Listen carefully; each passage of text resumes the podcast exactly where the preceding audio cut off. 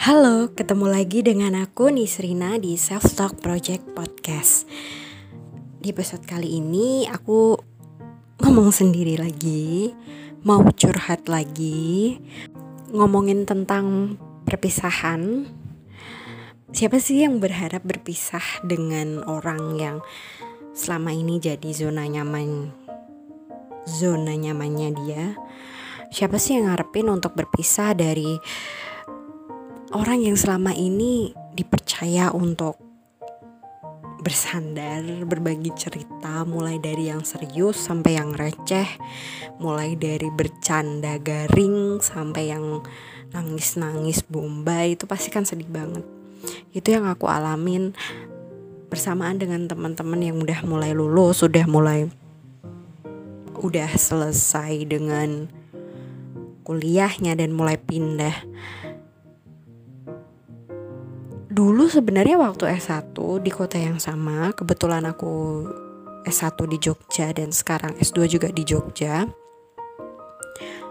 Aku tuh juga ada temen deket dan bukan berarti aku nggak sedih juga ketika temenku S1 waktu itu mulai pindah. Tapi mungkin beda kali ya uh, proses yang kami lalui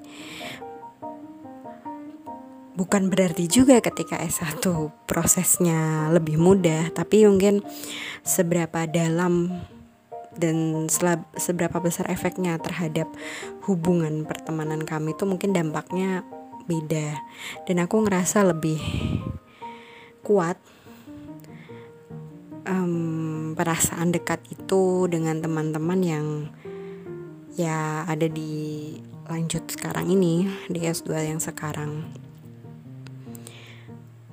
ya mungkin juga karena temenku yang kebetulan ada salah satu temenku yang deket ini temen dari zaman S1 juga kali ya. Jadi deketnya tuh double-double gitu loh. Ya kayak oh ya udah kenal S1 terus jadi makin dekat ketika S2 jadi ya gitulah perasaannya.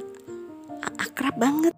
Aku tuh nggak pernah nyangka kalau aku bisa selekat itu sama orang aku bisa sesedih itu ketika temen aku pindah tuh ya ketika beberapa minggu yang lalu. Waktu aku ngelihat kamar kosannya yang udah kosong nggak kosong sih berantakan sebenarnya. Cuma aku ngelihat ya tinggal kerdus-kerdus aja.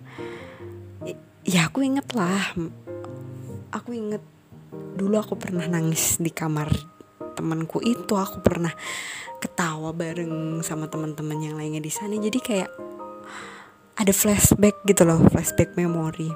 Bahkan jujur ini udah tag ini tag kedua. Tapi aku masih ngerasa mau nangis lagi waktu menceritakan ini. Jadi kerasa banget sedihnya dan aku inget banget ketika itu pagi-pagi bener-bener beberapa jam sebelum dia berangkat dengan pesawat aku nyamper dan aku nangis. Padahal aku juga nggak merencanakan itu. Iyalah siapa yang merencanakan mau nangis? Cuma kayak bener-bener aku sampai di sana. Kayak sedih aja gitu rasanya. Di berkaca-kaca lagi. Terus nggak lama berapa minggu kemudian ada temanku lagi yang udah selesai juga dan bilang pindahan. Sebenarnya ada satu lagi sih temanku yang dadakan gitu. Dia bilang lebih mudah mengucapkan perpisahan lewat tulisan daripada harus bertatap muka dan at some point ternyata benar juga kata dia. Kita semua tuh pasti nggak pingin berpisah dengan orang yang udah bikin kita nyaman kayak yang aku tadi bilang di awal siapa sih yang mau? Nggak harus dengan temen deh. Sesimpel pasangan. Nggak harus pisah karena udah selesai hubungan deh. Cukup berpisah jarak aja itu pasti nggak mudah kan. Apalagi mungkin yang biasanya bareng terus terus tiba-tiba nggak mau nggak mau harus LDR LDM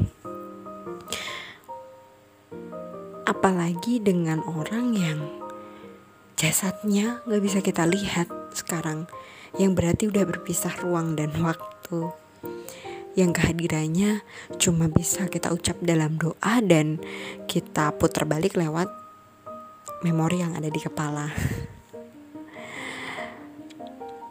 Setiap orang pasti punya momen perpisahan yang gak menyenangkan, gak mengenakan. Tapi aku sih percaya ya, ketika berpisah itu kerasa susah banget untuk dilalui, itu artinya kita udah melewati momen-momen yang menyenangkan sebelumnya dan penuh makna menurutku. Jadi ya nggak apa-apa sebenarnya berpisah. Kalau itu untuk hal yang baik, it's okay. Bersedihlah secukupnya kalau mengutip kata-kata yang Hindia. Secukupnya aja. Itu sih yang coba aku ulang terus dalam hati. yang aku ingetin juga ke diri sendiri kalau ya udah nggak apa-apa kamu sedih kamu manusia punya perasaan ya apa-apa jangan sampai kesedihanmu itu bikin kamu gak produktif berlarut-larut sampai nggak nafsu makan nggak mau kerja dan lain-lain. Menurutku itu udah hal yang beda lagi ya. Cuma ketika kita masih sepenuhnya sadar kita bersedih dan kita masih berusaha untuk mengontrol kesedihan itu dengan misalnya melakukan pengalihan dengan kerja menurutku ya nggak apa-apa itu wajar.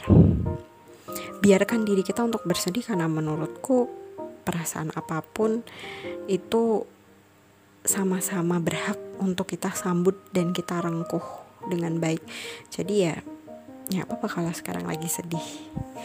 Dan buat kamu yang baru saja melepaskan, meninggalkan, ditinggalkan oleh dia yang kamu sayangi dan berarti untukmu semangat ya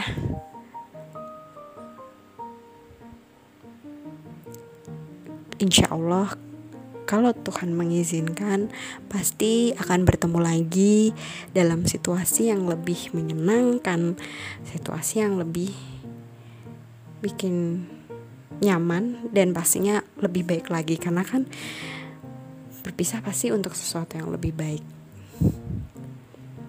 Gitu aja. Terima kasih ya yang sudah mendengarkan Self Talk Project Podcast kali ini. Sampai ketemu di episode selanjutnya. Dah.